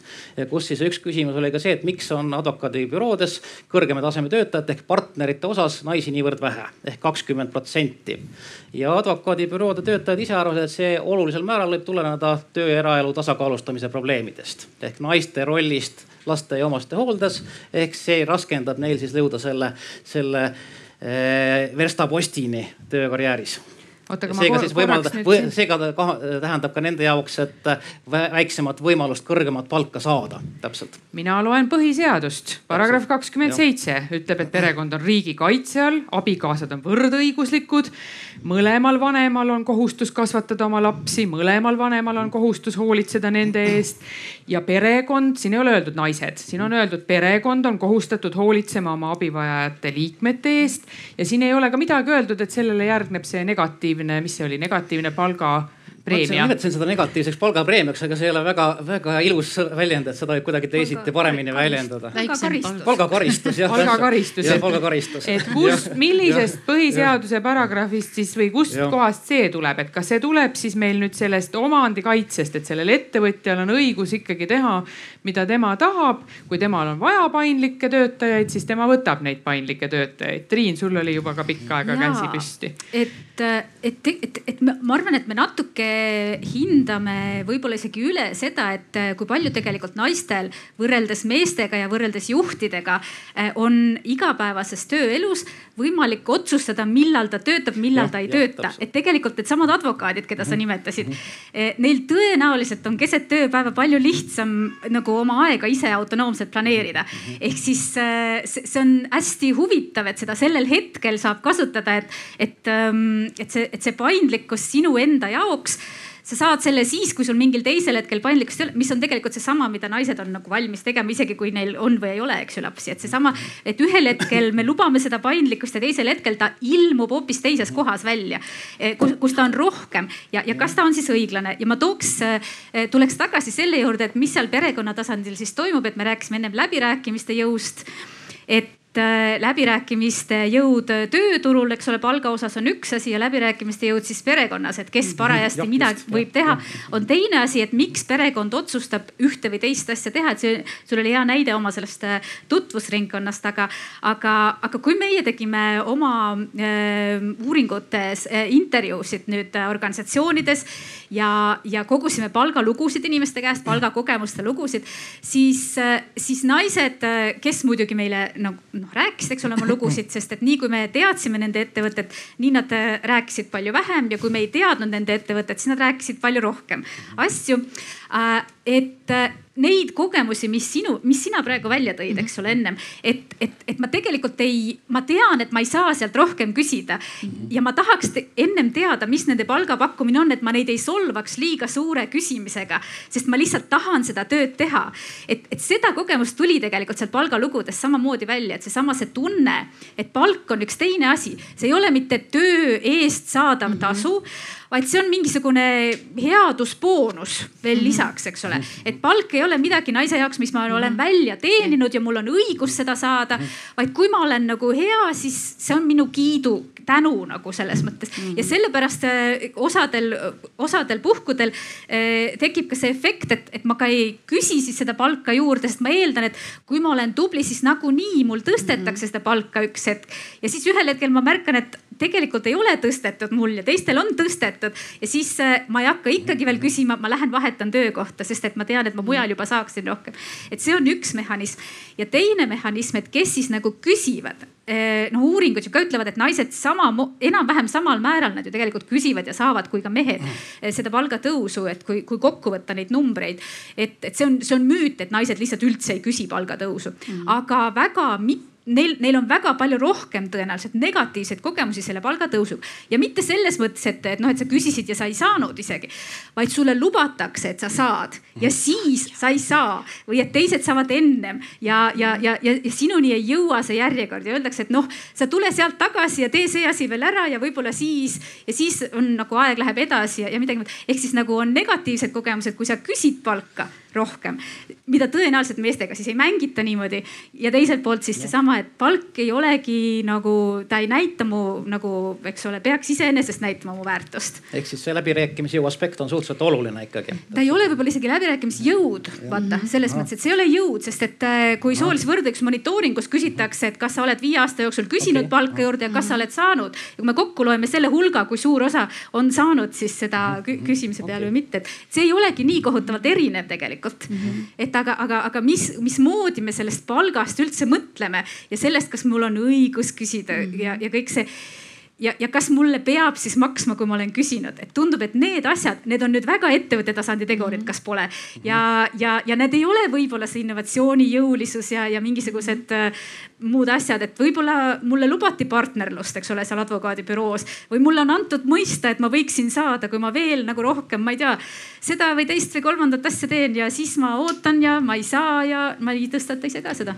Kohe varsti jõuame lahenduste plokini ka, et mida peaks siis ettevõtted tegema, et äh, seda soolist palgalõhet äh, vähendada, aga enne seda ma puudutaksin veel sellest probleemide loetelust ühte asja, millest siin juba juttu oli innovatsioon ja, ja töökohtade olemuslik muutumine, et tõepoolest, kui ma mõtlen praegu siis kümme aastat tagasi ma käisin ise ka kaubanduskeskuses, seal oli igas kassas istus üks mm -hmm. äh, tubli naisterahvas ja praegu äh, on seal need automaadid, mis piiksutavad ja kuller, kes mulle toidu koju toob, on meessoost ehk mm -hmm. need äh, töökohad on liikunud kas nendele piiksutajatele või just, siis meestele, et -hmm. mis see innovatsiooni aspekt, kas siis tõesti naised on nagu ohustatumas olukorras tööturul või, või mis see nagu, mida te näete ettevõttes? Ettevõtete teguritena mi,. Mi, miks see innovatsioonisõna on soolisest palgalõhest rääkides nagu oluline? siin sõltub, et mis tüüpi innovatsioonist rääkida, et meil on väga erinevad innovatsioonid, et ajalooliselt osad innovatsioonid, näiteks infotehnoloogia kasutusele võtmine kaheksakümnendate lõpus, üheksakümnendatel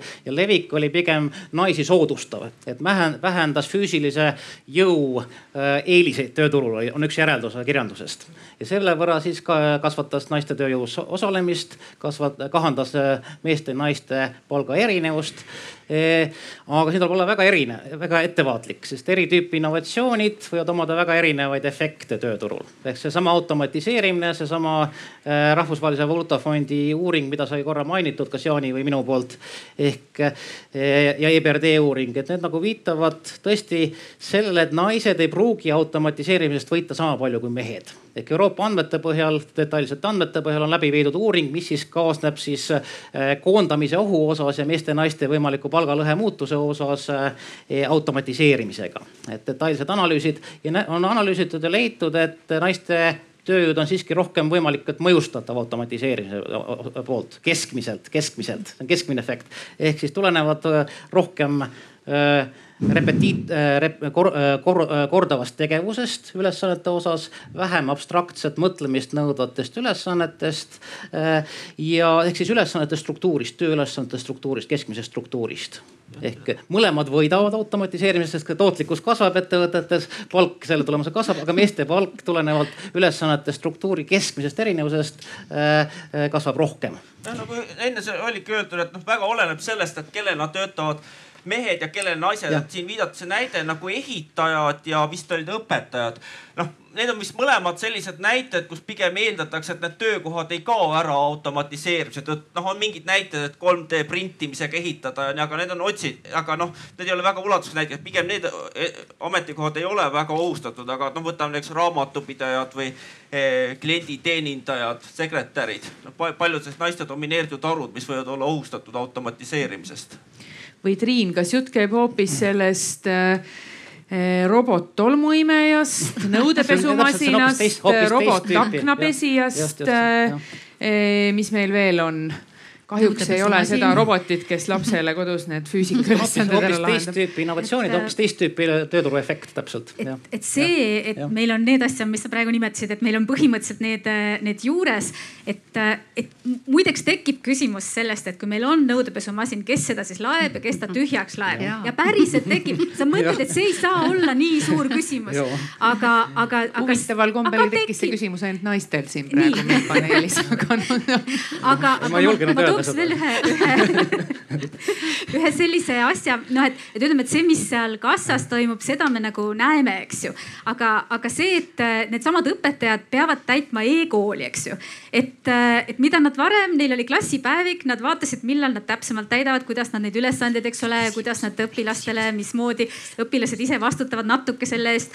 et, äh, et, et, et kas nende töökoormus nüüd sellega kasvas kas nende administratiivne koormus sellega kasvas, nende kindlasti nende niimoodi töö läbipaistvus suurenes mõnevõrra. Eh, aga kuidas see selle koormusega puutub ja samamoodi me saame rääkida Eestis, meil on see e-tervise, eks ole, nõuded, mida peab täitma. kes selle, kes selle siis täidab ja kellel jääb siis oma teisteks tööülesanneteks tegelikult vähem aega, ehk siis see, need, need asjad, mis justkui peaksid meid aitama, nad tõstavad meie koormust väga suurel määral ja, ja muudavad meie töö intensiivsemaks, isegi need tööd, kuhu see jõuab. Nii enne kui me liigume edasi lahenduste juurde ja selle juurde, et kas tööandjad peaksid siis ostma kõikidele töötajatele koju nõudepesumasinad, kellel veel ei ole, võtame ühe eh, küsimuse või kommentaari publiku hulgast. aitäh, et eh, ka üks lugu ühe tuttava käest, kes koroona tingimustes jäi oma abikaasaga koos koju ja abikaasa ütles, et kodus on nii hea töötada, sest naisterahvas tegi kogu aeg süüa. ja kui lubati kontorisse tagasi minna, siis mees ütles, et oh, et kodus on nii hea, et mina kontorisse tagasi ei lähe, aga kui naine läks kodust ära ja see söögi tegemine jäi ära, et siis mees sai tegelikult ka aru, et, et võib-olla ikkagi kontoris on nagu parem töötada, sest ta ei pidanud nagu ise enam süüa tegema. aga et praktiline küsimus, et, et miks ikkagi selles koroona tingimustes tundus, et, et kui inimesed käisid mõlemad tööl et siis naised olid need, kes õpetasid oma lapsi, naised olid need, kes võtsid jälle kõik selle nagu selle kodutööde tegemise.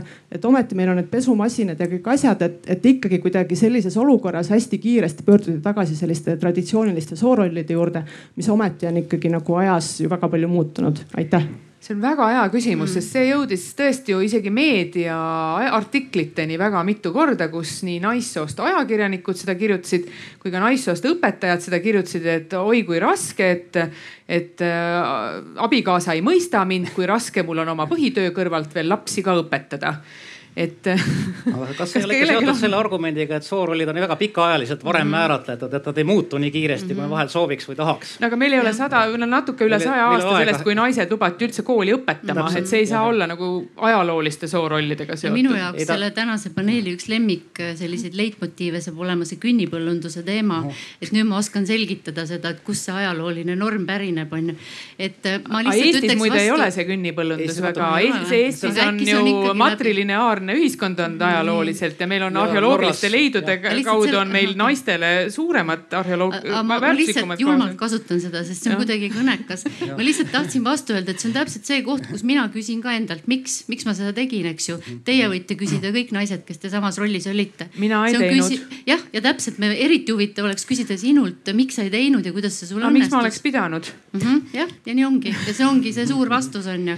õpetaja lihtsalt... õpetab ju lapsi. ja mul lihtsalt üks hea näide, et ma arvan, et meeste ja naiste erinevusest võib-olla, kes äh, siis on, on võib-olla partnerluses ja on, on lapsevanemad, et võib-olla tuleb tuttav ette, et kui midagi on vaja teha lastega, siis, siis argument naisterahval tavaliselt on see, et on vaja need asjad ära teha või korraldada ja, ja mees tihti vastab, et ma vaatan, kas ma saan et, et see on ka mingisugune juba see miks, eks ju, et me juba nagu oleme valmis tegema ja teine pool, ta on heatahtlik, aga ta vaatab, kas ta saab. tegime, vaatamise koht. tegime isegi ühe paneeli koroonakriisi ajal, kus õpetajad ja koolidirektorid palusid, et ärge lapsevanemad nii palju segage oma mhm, lapsi mm, -hmm, eriti emad. sellepärast, et muidu me ei näe, kui palju mm -hmm. lapsed tegelikult edenevad ja muidu noh, me ei tea, keda me nagu hindame, et aga mhm. Triin, sul on pikalt. ja mul lihtsalt see reaktsioon tuli selle peale, et, et sa ka ütled, et küsime endalt, eks ole, naised küsige endalt, äh, mehed küsigu ka endalt, et miks yeah. nad seda tegid. Nad said kasu sellest Nad reaalselt said kasu sellest, et nad ei pidanud selle kõigega tegelema mm. -hmm. me võime öelda, et see on nüüd see,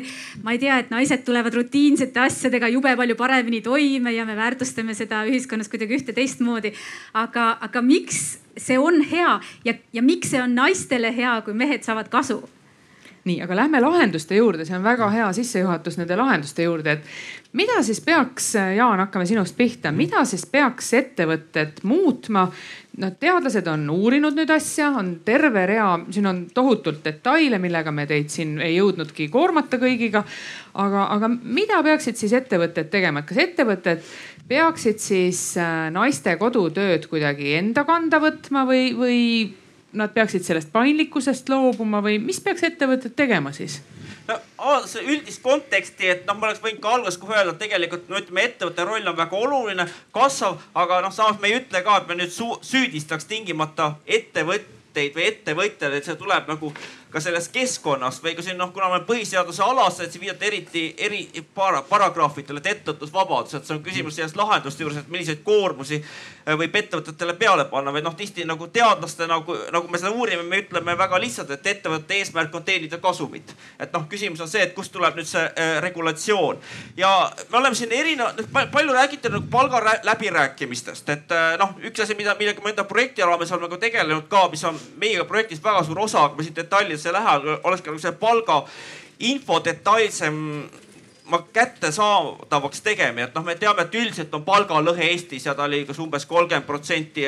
aga kui palju ta näiteks noh mi, minu piirkonnas, no ütleme, kas Paide ümbruses või ütleme või siis ütleme minu ametialal ma ei tea, loodusteaduste õpetajate seas või ütleme mõne muu ametialases, et oleks ka see info rohkem käes ja võib-olla siis naised oskaksid ka paremini küsida, kui nad teaksid, millised on naiste palgad ja mis ka meeste palgad.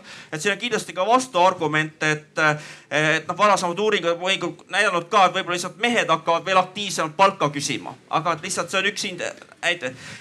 teine noh, mõned näited, mida pärast kolleegid arendavad edasi, et teine küsimus see, et kas peaks, mida paljudes riikides kaalutud on, ütleme sookvoodid juhatustes et kas noh, mitte paljudes riikides, aga Norra, Itaalia, äh, Prantsusmaa. Ja noh, noh mitte tingimata, see on võib-olla väga see provokatiivne teema, aga noh tihti tähendab ka seda, et see ei kehti kõigile ettevõtetele, võib-olla suurtele ettevõtetele, võib-olla börsiettevõtetel või noh, üks argument on see, et kui meil on naisjuht, noh või võib-olla see toob ka midagi positiivset kaasa. Noh, jällegi siin uuringud ei ole olnud väga ühesed, et noh, tuli näiteks näide, et võib-olla see võrdsus kasvab siis seal ettevõtte juhatuses või nõukogus, aga, aga, aga mitte laiemalt et eh, see on ka see küsimus, et mis on sellest kasu ja nagu näete ka, et eh, noh, see on väga provokatiivne teema, aga ilmselt eh, tuleb minna detailidesse, et noh, mõnes riigis oli positiivne mõju ettevõtetele, mõnel pool mitte. näiteks vist Itaalia oli hea näide, seal leiti ka, et kui tekkisid juhatustes sookvoodid, et tulemusi on mitte ainult see, et meil on rohkem naisi juhatuses või juhtkonnas vaid ka need mehed, kes on, et nemad on ka tegelikult parem, paremini valitud, et neil on, ütleme, töökogemus, oskused ja nad ei ole sinna juhatuse saanud näiteks tänu oma tutvustele. noh, see oli üks näide, et kui selline noh, väga hästi disainitud poliitikaga, no siin selle üle võib kritiseerida, aga selle hästi disainitud poliitikaga ikkagi õnnestus nii naiste kui äh, noh meeste osas äh, noh olukorda parandada, et õiged inimesed on õigel, õigel töökohal. aga see on lihtsalt ainult üks näite, näide meediatest, siin kolleegid saavad jätkata. ja Priit tõstis juba käega, ma vahepeal julgustan, et kui on ka publiku hulgast kellelgi mõtteid, et äh, mida saaksid ettevõtted teistmoodi või paremini teha, siis see on ka väga oodatud. sest üks aspekt on täpselt see palgainfo avalikustamine või palgalõhe avalikustamine. aga reeglina, kuidas seda teistes riikides on tehtud, on ikkagi riigi nõude, nõue või riigi regulatsioon selle koha pealt.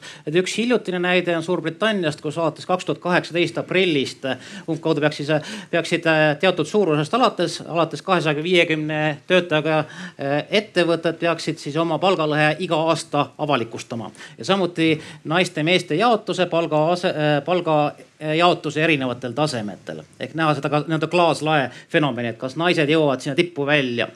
ja juunikuus sel aastal on ilmunud juba uuring, mis selle meetme efekte üritab vaadata ja toob välja, et sellele, kuigi see on alles lühiajaliselt toiminud, et iga aasta tuleb see palgalõhe avalikustada, eh, on sellel olnud märkimisväärne positiivne mõju et mitte küll naiste palkadele otseselt, aga meeste palkade ennakkasvule võrreldes naiste palgaga. oota, korda seda lauset palun. et, et ühesõnaga, et nad kahandavad meeste, meest, et see meede kahandab meeste palgakasvu et võrreldes naistega, et selles, selles mõttes on olnud, olnud äh, selge positiivne järelm. ehk ühesõnaga naiste palgad ei ole tõusnud, aga meeste palgakasv on muutunud ja, aeglasemaks. jah, täpselt, et, et see olukord läheb aeglasemalt halvemaks siis lahenduste osas. Ma kõigepealt võib-olla väljendan hästi selgelt oma sellist isiklikku seisukohta, et mina sellist nagu sookvootide määramist ja riigipoolset regulatsiooni isiklikult ja professionaalselt ei toeta, sest minu jaoks on kõige keskel inimene. ja samas ma võin ka isiklikult öelda, et minu jaoks on ikkagi poisid, poisid ja tüdrukud, tüdrukud ja nii edasi, et, et selles mõttes ma siiski esindan sellist vaadet, kuid ikkagi inimene Eh, kellel on siis omad unistused, omad võimekused, omad huvid, võimalus neid arendada, minna edasi ja siis kas valida mingi töökoht, kuhu ta soovib minna, ennast edasi arendada või valida mingi teine tee. et, et seda, et, et kuskilt, et uuringutest on hea, eks ole, infot saada, aga, aga minu isiklik arvamus ja, on see, et, et ma ei leia, et see antud juhul ka midagi naistele mm -hmm. siis nii-öelda olulist kasulikku tooks, et sa saad tänu sellele võib-olla selle esimese võimaluse, et keegi on öelnud, et teil on siin mõned kohad naiste poolt täitmata mm. -hmm. aga ja, lahendustes siis, eks ju, kuna ma, ma nagu haridusvaldkonda ka esindan, siis ähm, siis juba varem ma tegin selle märkme, mida ma tahtsin nagu väga öelda, et seesama inimeseks olemise, saamise ja arenemise teema, et et kui me täiskasvanutena, et millal sa küsisid ka millal, et millal hakkab see nagu pihta, et see pole sulle sobiv ja ei ole, et loomulikult lapsepõlvest ja siin tasub tähele panna, kui sa oled vanavanem või vanem või tädi või onu, et, et mis sa oled öelnud selles keskkonnas, kus lapsed toimivad, et kas sa oled öelnud ühele väiksele tüdrukule, et tüdrukud ei mängi autodega, eks ju, või poisile, et mis mõttes sa tahad juuksuriks saada, et come on, eks ju, et see pole tulus töö, et poistele ei sobi, et poisid peavad vaatama tulusamat tööd. sealt see algab. Ja siis me jõuame, eks ju äh, siis äh, lasteaedadesse, kus me võime täpselt sama liiniga jätkata. Ja siis me jõuame kooli. Ja ma toon nüüd ühe praktilise näite Kindluse koolist, kus ma olen, et meie alustame esimesest klassist peale siis äh, tunniplaani sees valikainetega, mida siis saavad kõik õpilased endale õppeaastaks valida. meil on esimesel aastal sellel kõige üldse, me alustame alles esimesest kuuenda klassini kõik lapsed, olenemata vanusest ja klassist, võivad valida endale sobiva valikaine ja siis muutub see neile kohustuslikuks ja nad õpivad seda terve aasta lisaks kõigele muule, mida riiklik õppekava siis ette näeb. aga e praktiline näide siis elust, et seal ei ole vahet, kas sa oled poiss või tüdruk ja ka vanusel mitte, nagu ma ütlesin. sa võid valida, ma ei tea, nagu sa, meil oli mingiks jutuks heegeldamisega poisina, miks sa ei või, kui see sulle huvi pakub või käsitöö, eks ju ja nii edasi. aga ma olen saanud küsimusi lapsevanematelt, mis ei ole olnud pahatahtlikud, vaid lihtsalt sellest meie inforuumist pärinevad mis valikained poistele tulevad et, et see juba saab, et sellest saabki, eks ole. kui sina pakud käsitööd, siis lapsevanemad küsivad, et aga mida poistele pakutakse? see nad küsivad juba enne, Liisa, et üldse, et kus on poiste valikained ja kus on tüdrukute valikained. ja mm, -hmm. et, et ma räägin veel kord, et ja ma saan sellest küsimusest väga hästi aru, sest see on inforuum, kus me oleme harjunud mõtlema ja, ja see on minu jaoks on see, see lahend, lahenduste pakkumine algab sellest, kuidas Äh, lapsed saavad meilt infot ja kuidas nad nii-öelda inimeseks õpivad olema, et kuidas äh, me pakume neile lisaks väga paljudele akadeemiliste oskustele ka selliseid oskusi, mis võimaldavad neil endast paremini aru saada. reflekteerida, eesmärke seada, muuta neid eesmärke, elu jooksul muuta neid eesmärke, ma arvan, et seal on lahendus. ma teen korraks ühe publiku poole küsimuse, kui te mulle pahaks ei pane ja iga kahekümne minuti tagant tuleks tegelikult istuvast asendist ka püsti tõusta.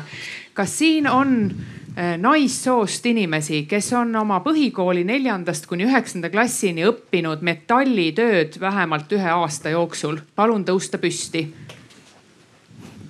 hmm.. ja teie õppisite seda mis riigis? Soomes, okei.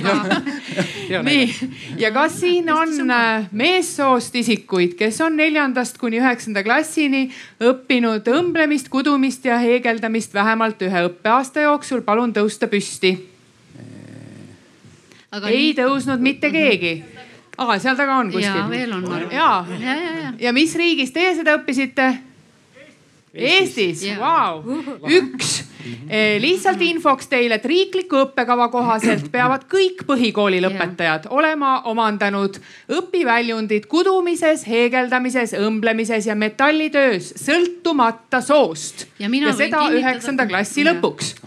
aga mina kinnitan ka, et siin on lihtsalt mingi valim inimestest, et on väga palju koole, kus see nii on. vanalinna hariduskolleegium, isiklik suhe selle kooliga õpitakse, poisid õpivad heegeldama kuduga, tüdrukud puutööd, metallitööd, et see on kooli valik siin meil teadmiseks. tõesti oli täiesti juhuslik ja, valik jah. kooli, koolivalik on see täiesti. nii, aga Triinul on pikka aega juba ma jäin äh, mõtlema selle peale, et, et, et, et mida me siis koolis õpetame, on, on väga tähtis küsimus. et meie juhid ju niimoodi, järgmised juhid kõik ka kasvavad koolides, eks ole, ja mhm. lasteaedades. ja mis on see mõtlemisviis, mida siis oleks tarvis muuhulgas eh, õpetada.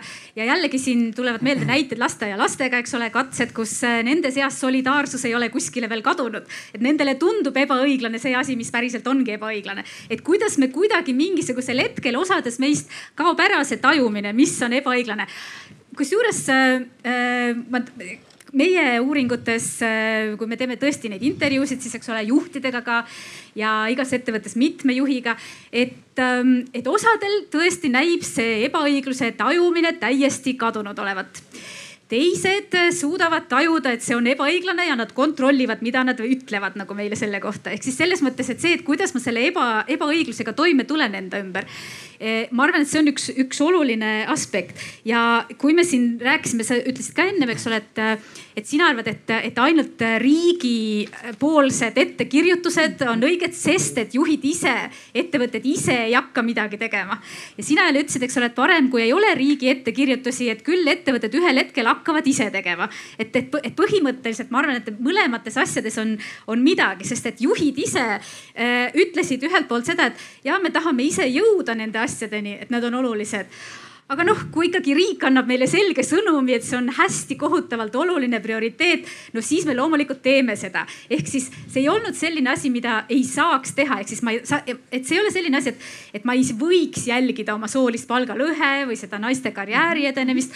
Küll aga Nad konstrueerisid seda nii kohutavalt keerulise asjana. ma ei tea, kuidas seda teha, ma ei tea, kuidas jälgida seda. keegi peab seda siis arvutama, ma pean oma raamatupidajale ütlema, ma pean sekretärile ütlema. võib-olla mu personalitöötaja oskab mulle nõu anda, et, et mis seal on. ehk siis selline tunne, et mida mult õiget tahetakse. ja siis teine asi, et kui te näitate mulle seda soolise palgalõhe numbrit, no see pole mingi number, mis ma sellega peale hakkan. mul on kõik need ülejäänud asjad olulised, just need indiviidi tasandi asjad jah, et ta panustab mul nii palju, ta mhm. teeb mul seda, teist ja kolmandat. kusjuures noh, sellel ei ole mingisugust pistmist, kui me küsime pärast tema sama organisatsiooni töötajate käest, eks ole, naised ja mehed, noh, et seal ei ole mingisugust pistmist nendel palgatasemetel sellega, et kui palju keegi panustab või, või midagi sellist. Nad lihtsalt kuidagi nagu sattuvad olema ja, ja mulle nagu näib, et kui me siin rääkisime ennem läbirääkimisjõust ja sellest, et äh, peaks naised kasvatama sellisteks võitlejateks no., siis tekib küsimus, et äkki me võiks äh, tõesti teha, see teine aspekt oli, et äkki me saame mehi kuidagi konkurentsi nagu vihkajateks kasvatada, et see on nagu mhm. teine variant. ja, ja äkki seal on veel mingisugune muu vahepealne variant, aga seni, kui meil, kui meil nii ei ole, et kas äkki aitab see, kui läbirääkimised võiksid olla kollektiivsed, mitte individuaalsed. ehk siis, et, et sa ei, mitte oma organisatsiooni sees üksinda ei räägi läbi, eks ole, vaid, vaid, vaid nende teistega ja siis saab kindlasti kindel olla, et mitte ei maksta palka sulle inimeseks olemise eest, vaid selle töö eest, mida sa teed, eks ole et, et need asjad ähm, võib-olla lahendused. meil on jäänud veerand tundi selle paneeli lõpuni ja ma ütlen kiiresti vahepeal, et mis praegune õigusruum Eestis ütleb. Eestis ütleb seda, et tööandja tegevus loetakse diskrimineerivaks siis, kui ta kehtestab ühest soost töötajale või töötajatele ebasoodsamad eh, siis töötingimused või töötasu kui sama või sellega võrdväärset tööd tegevale teisest soost töötajale või töötajatele. ja teiseks on meil siis ettevõtetel ikkagi kohustus eh, seda statistikat koguda, mis seda soolist eh, palgalõhet, ka kandideerimist erinevatele ametikohtadele nagu käsitleb. ja üks üleskutse veel, et katsume see viimased viisteist minutit keskenduda ikkagi veel nendele asjadele, et mida ettevõtted saaksid teha. sellepärast, et muidu katsume erineda kõikidest teistest arvamusfestivalidest festivali paneelidest selle poolest, et me ei ütle, et haridus on kõiges süüdi. et see on tavaliselt alati, kuhu Arvamusfestivali paneel jõuab, aga keskendume meie praegu ettevõtetele no,. sest no natuke kahjuks ma tahtsin jõuda lastehoiu rolli. no okei okay,, no räägi see ära siis. sest ma hakkasin mõtlema, no tegelikult me räägime paindlikkusest ja paindlikkuse vajadusest ja see, et see on teatud lõhe äh, selles võimes meeste ja naiste vahel. et noh, sa ise oled ka maininud, et selle üks potentsiaalne oluline lahendus oleks lastehoiu parem kättesaadavus. ja see ja. tegelikult ei ole ettevõtte tasandil otsus. ei ole, see on kohalik võimalik lahendada ettevõtte tasandil, aga pigem kohaliku omavalitsuse tasandil. sellel on potentsiaalselt äh, märkimisväärne efekt, et vabastades siis äh, täiendavat äh, täiendava pingutuse võimalust naistel siis sisuliselt. me näeme lihtsalt ja. voliniku poole pöördumistes väga palju seda, et kui tööturg ootab paindlikkust, mis on siit väga mitu korda läbi tulnud mm. -hmm. ja nüüd sa oled ema, sul on väike laps mm -hmm. ja sulle kohalik omavalitsus ütleb, et oo, teie laps sai ühe pooleaastaseks oktoobrikuus, aga meie järgmise rühma lasteaias mm -hmm. moodustame järgmise aasta augustis mm. -hmm. et noh, nii kaua vaadake ise, kuidas hakkama saate, et siis sa ei saa kuidagi minna sinna oma kogu oma läbirääkimiste jõuga sinna täpselt, tööandja juurde ja öelda, et nüüd ma võitlen jah, et sul ei ole seda last laste, kuskile panna. täpselt, et sul ei ole last kuskile panna, see lastehoiu küsimus, see aitab tasandada neid erinevusi, mis tööandja jaoks on, tunduvad olevat olulised tihti. eriti sellistes dünaamilistes, kiiresti arenevates keskkondades. Triin, on sul siin mingit lahendust välja pakkuda? ja, et üks lahendus on see, et kõik tööandjad, kes kohalikul, kohalikus omavalitsuses, eks ole, toimetavad, võiksid äh, tulla kokku ja nõuda, eks ole, paremat lapsehoiutingimusi, et selles mõttes, et need, see, et äh, tööandjad võiksid teha koostööd erinevate asjade saavutamiseks, ähm, mis on ka kasulikud töötajatele, et see on ka üks võimalus. et Ähm, et iseenesest ähm, natuke kaotasin selle, selle lõnga nüüd ära, aga ähm.... aga võtame vahepeal siis Jaanil ja. oli ah,. ja, ja siis tuleme sinu lõnga juurde tagasi. ma võin väga üldiselt panna, et me rääkisime kogu aeg läbirääkimist, et see on ja siin tuldi ka sellele, et peaks nagu kollektiivselt läbi rääkima ja noh, me enda uuringuid just nii tõlgendasime, et miks Eestis see läbirääkimiste roll või ütleme, läbirääkimiste oskus on niivõrd oluline, et noh, kuidas see parandab teineteisega, mis sellest oluline on see, et noh, meil on suhteliselt vähe seda kollektiivset palgaläbirääkimist. et jällegi, et noh, Eestis tegelikult vist kolm haru on, kus on ütleme kollektiivlepingud. no see on jällegi väga see noh, ametiühingud ilmselt ütleksid see, et lahendus on see, et tehke rohkem kollektiivlepinguid. aga noh, ametiühingute liikmesus on niivõrd väike. ma ei tea, kas siin üldse ei ole mõtet küsida, kes siin on ametiühingute liikmed. et noh, selles mõttes Eestis nagu natuke marginaalne teema. noh, teine on jällegi alampalk noh, mille saajaid võib-olla ei ole ka niivõrd palju, aga tavaliselt ikkagi, et mida ettevõtted äh, noh, kuidas nad kohanduvad ka, et ikkagi, et kui sul tõstetakse nende kõige madalamate palka, siis sa peaksid tõstma ka nende, nendest natukene rohkem palka saavate inimeste palka, et see mingi noh, noh normaalne struktuur jääks nagu paika. Ja seni on ikkagi noh, need Eesti viimaste aastate alampalga tõstmised noh, pigem nagu näidanud, et noh, et inimesed nii väga ei ole tõendusmaterjali, et keegi oleks sellepärast väga noh töötuks jäänud, aga pigem nagu see palga ebavõrdsus on vähenenud. Ja nagu me oleme noh näinud ka tegelikult see on omaldanud ka noh vähendavat vähe, mõju eh, soolisele palgalõhele. et see on jällegi nagu see riigi taseme eh, vaade, mida saab teha jah, ja uuringud samas ka näitavad, et kui see alampalk läheb väga kõrgeks siis kukub osa naisi tööturult välja. no siin ongi, võib ka öelda, et noh, senimesed uuringud on näidanud pigem on positiivsed mõjud, aga noh, meil on siin küsimus ka, et, et siit tasemest veel kõrgemale minna, et võib-olla see on juba ohtlik mm,. kui me räägi-, vabandust. jah lahendused veel? ja mina vabalt võin ka sõna võtta, et mulle tundub, et see oleks veel eraldi väga pika diskussiooni teema, aga mm, -hmm. aga nagu lähtudes sellest, et tuleb olla realist ja, ja realistina ma tean, et muutused väga suures plaanis ei toimu üleöö mm. -hmm. ja see on üsna naiivne arvata, et kui me mõne lahenduse siin välja pakume, et siis üle-eestiliselt see hakkab kiirelt toimima mm, -hmm. aasta pärast on teine olukord mm. -hmm. aga kuskilt peab alustama ja püüdes siis tuua sellised mingid põhilised konstruktiivsed ettepanekud, et, et minu jaoks ettevõttes on selline, toimub kahesuunaline areng. üks on see, mida siis juhtimine ja juhtimiskvaliteet pakub meeskonnale, kuna tal on seda meeskonda vaja, et kuidas seda motiveerib ja tööle paneb enda kasuks. ja on ka teine tee, et mida meeskond siis, mis infot ja milliseid nõudmisi ta vastu annab. ma proovin siis nagu kaks mõtet tuua, et ma arvan tegelikult, et, et selline üleüldine teadvustamine, eeskuju näitamine on, on tegelikult väga võimas tööriist, et ma tean, et on sektoreid, kus inimesed on halvas seisus, et nad ei saa jalgadega hääletada oma tööandja vastu, aga on ka väga palju võimalusi seda teha, et lihtsalt loobuda seal töötamast, kus see juhtimiskultuur on selline mis kedagi mingil põhjusel diskrimineerib, kaasa arvatud siis palgalõhega. ja teine selline lihtsalt hästi lihtsaid ettepanekuid teha, et et ka see selgade kokkupanemine, äh, ma ei räägi siin isegi kollektiivlepingust või ametiühingust, vaid see lihtsalt mingisugune eri, kasvõi võtame isegi organisatsioonist välja erialaliidud või ühingud, et, et ka need on sellised võimsad löögirusikad, kes peaksid teadvustama oma kompetentsi ja selle väärtust ja tegema ka neid palgauuringuid ja viima selle info oma ettevõtetesse. heade, tava, üks... heade tavade esiletõstmine ja premeerimine näiteks. ja üks lihtne asi veel, et, et mehed samamoodi, et astuge välja, et kui te teate, et te saate rohkem palka kui naine, kes teeb teiega sama tööd samaväärselt, et, et minge, minge rääkige sellest. et see on väga lihtne asi teha, otsuse küsimus. nii ja nüüd publikule üks, kaks, kolm tere, tere, minul jälle ühtegi lahendust pakkuda ei ole, aga mul oleks selline küsimus sellest välis ja Eesti eest ettevõtetest mm. Eestis. et kas seal on märgata, et kummas on palgalõhe suurem ja näiteks, et kui välisettevõtetes, kas nad teevad meelega seda, et teavad, et Eestis on harjutud suurema palgalõhega ja siis ei pakugi sellepärast naistele rohkem palka. jah, ja, ja kuidas käituvad Põhjamaa ettevõtted? sest enamus välisinvestorid on meil Põhjamaadest, Rootsi, Rootsi, Soome välisinvestorid, kuidas nad käituvad Eestis. et keskmiselt on väga suur erinevus palgalõhe osas väliskapitaliga kohalike ettevõtete vahel. väliskapitaliga firmades on see suurem, on palgalõhe oluliselt suurem aga see ei pruugi ainult näidata. omanikud? et kui on Põhjamaa omanikud. enamus neist ongi Põhjamaa omanikud. kui me vaatame on... ka Põhjamaade järgi, Rootsi, Soome, et siis ka neis on suurem, nende, nende omatud ettevõtetes Eestis on suurem palgalõhe võrreldes kohalikega. aga samasugune erinevus. kultuur siis kaob. oota, ma ütlen kohe, aga seal on üks aga, et see samasugune seos ilmneb äh, teist tüüpi rahvusvahelistunud ettevõtete puhul. eksportöörides on märkimisväärselt suurem palgalõhe võrreldes äh, mitteeksportööridega või vähem eksportijatega. Eestist väljapoole välisinvesteeringuid teinud multinatsionaalides, kohalike päritolu multinatsionaalides on suurem palgalõhe kui ainult kohalikes ettevõtetes. üks hüpotees on tõesti see paindlikkuse vajadus, et see eriti rahvusvahelises keskkonnas kakskümmend neli seitse nii-öelda online olemine ekspordijuhi eelis, kui sa võtad äh, kõnesid vastu laupäev, pühapäev ja reede õhtu. võrreldes sellega, kui sul ei ole näiteks perekohustuste tõttu võimalik seda, seda pakkuda.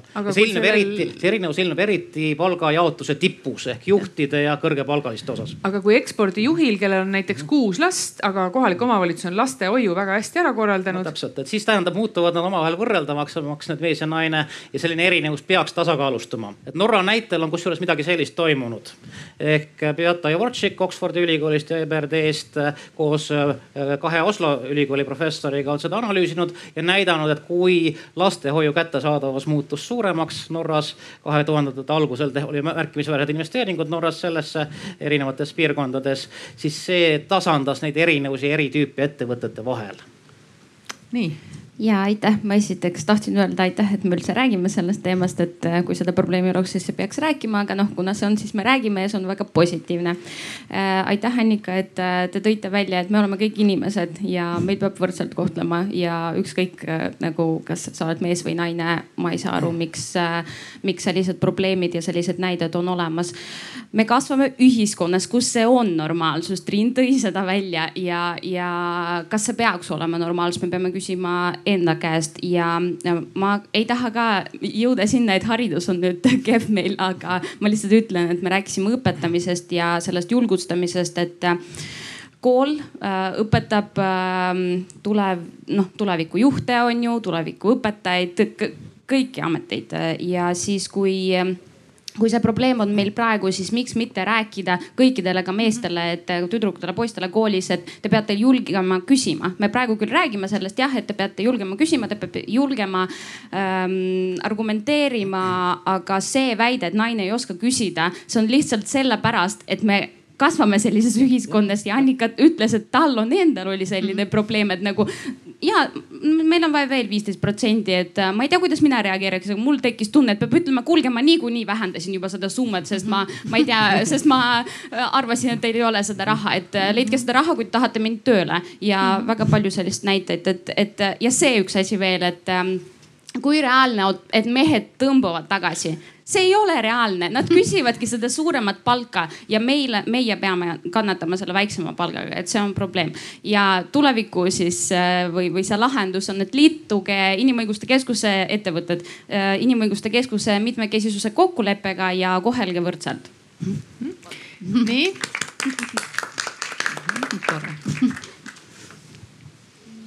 Barbi Pilvre Tallinna Ülikooli esindajana.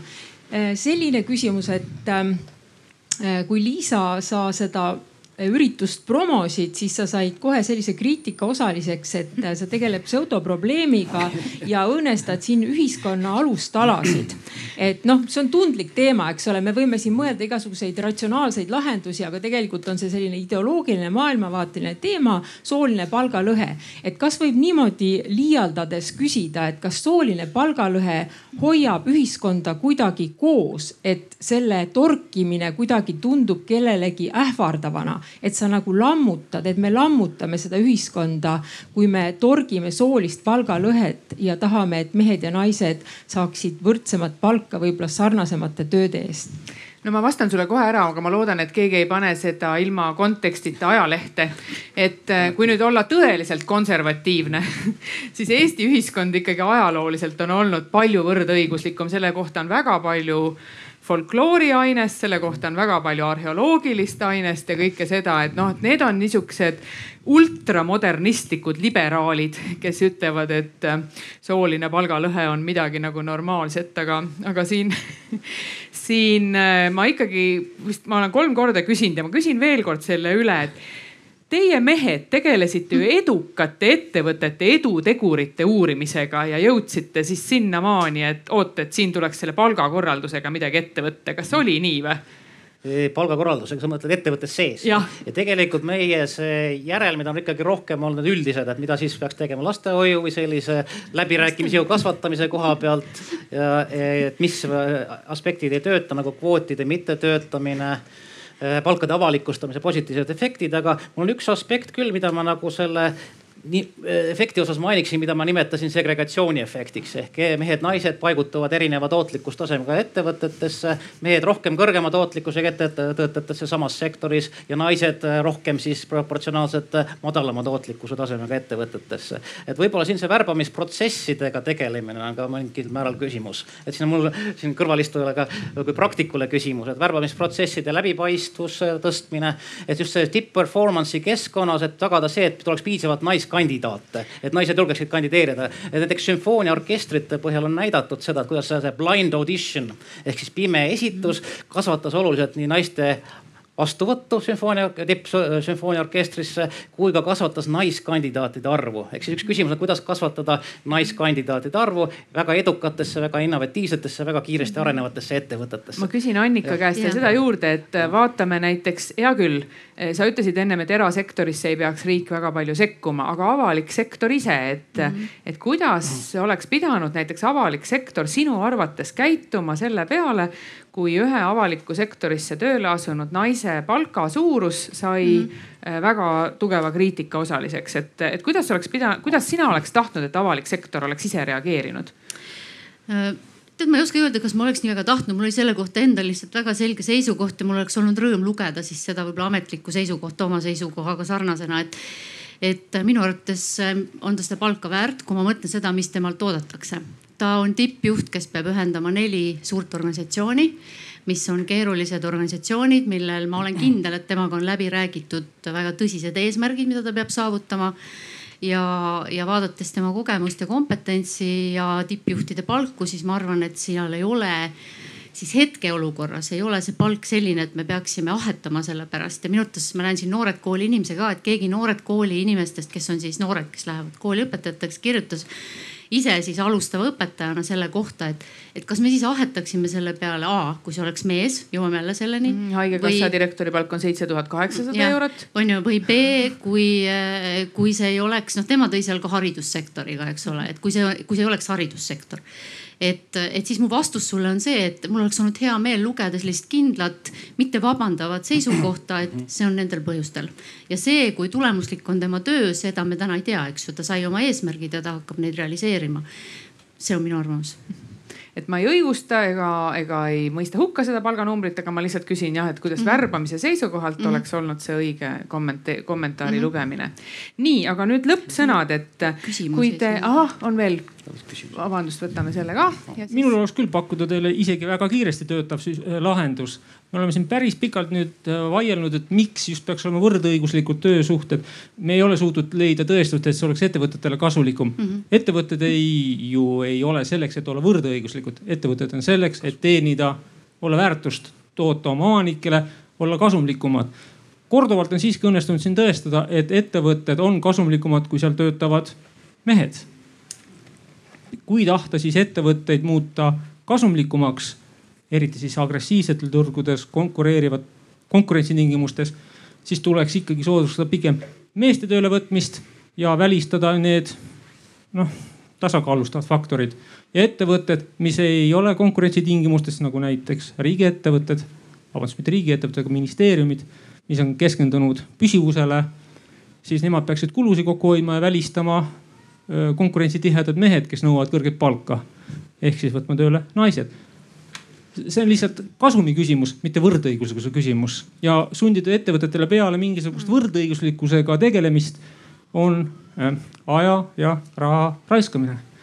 Ja ühtlasi kui öelda, et ka mis selle tulemuseks on, eelmine aasta te tõestasite siin ühe uuringuga, et lõppkokkuvõttes on äh, varanduslikust seisukohast on mehed ja naised võrdsed, erilist vahet ei ole, see oli eelmise aasta siinsamas Arvamusfestivalis uuringus Te tõestasite selle ilusti ära ülikooli arvelt. ehk siis äh, mehed maksavad oma kõrge palga eest tavaliselt vanuselõhega. Vanuselõhe on üsna korreleeruv minu arust, ma ei ole küll teadlane ega uurinud, äh, palgalõhega. Nad on ühtemoodi, mehed lihtsalt surevad siis varem ära. põhjused on loomulikult selles, et need mehed, kes ei olnud edukad, olid sunnitud äärealale ja hakkasid jooma ja me ütleme, et nad olid joodikud. tegelikult olid nad lihtsalt äärealale surutud. see ongi see konkurentsi mm, üks põhjuseid kaotajad surevad. aga noh, see on see teema praegu kaks õiendust siiski, et varalõhe on Eestis kõigest nelikümmend viis protsenti meeste kasuks ja teine see, et me rääkisime siin sellest, et hoolduskoormus äh, on see, mis võtab paindlikkust vähemaks. ja juhul, kui ettevõtetel oleks, mis tuli välja ühest uuringust, et juhul kui ettevõtetel oleks valida parimaid spetsialiste nii meeste kui naiste hulgast, saaksid nad veel kasulikumaks, sest nad saavad veel kvaliteetsemad äh, inimesed tööle. praegu on hoolduskoormuse tõttu äh, osa tööjõust mittepaindlik ning jah see mittepaindlikkus ei võimalda siis ähm, äh, ettevõttel valida seda kõige paremat, kõige tootlikumat töötajat sinna sisse.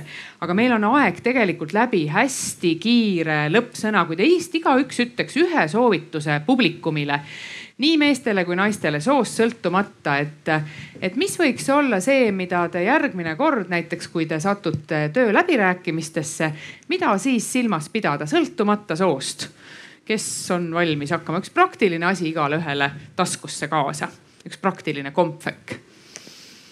tahaks ühe, ühe lihtsa asja öelda kõigile juhtidele, kes on töö läbirääkimiste olukorras. Ja, ja seda, et ähm, ja võib-olla meile kõigile teistele mõtlemiseks nendest juhtidest, et, ähm, et ega nad ei ole niisugused ainult ühemõõtmelised ja ainult kasumile orienteeritud. Ja nad võiks ise ka selle peale mõelda, et neil on teised asjad ka tähtsad väga hea.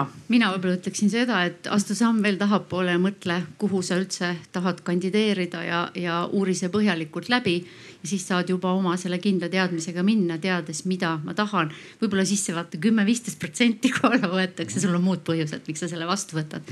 jah, ma olen nõus, et tuleb aru saada, mis on su unistused, kuhu sa tahad välja jõuda ja siis tõeliselt jõuliselt minna sinna suunda mm, -hmm. et mitte lasta ennast heidutada teistest inimestest no jah, ma ei oska töötaja kohta öelda, aga ma lihtsalt ütleks ka niimoodi, et see ikkagi noh, me arvame, et see ei ole päris pseudoteema ja noh, väga üldiselt öelda, tavaliselt räägitakse, et kui Eesti kui selline suhteliselt selline noh, mingis mõttes liberaalne sotsiaalne süsteem, et me peame kõiki poliitikaid õigustama ka mitte ainult õigluse aspektis, vaid ka majandusliku efektiivsuse aspektist, nagu me ütlesime, siis tegelikult see on küsimus, kas see majanduslik efektiivsus või nii-öelda selgitamatu palgalõhe, mis tähendab seda, et lihtsalt, et naised võib-olla ei saa oma selle tehtud inimkapitali investeeringu või hariduse eest väärilist palka. see lõpuks on see majandusliku efektiivsuse küsimus ka, nii et lõpuks see on ka oluline ning jah, me tahame tagada eesti rahvuse, keele ja kultuuri säilimise läbi aegade. selleks meil on vaja neid töötajaid nii meessoost kui naissoost, kes saavad hakkama nii tootliku töötamisega kui ka töö ja pereelu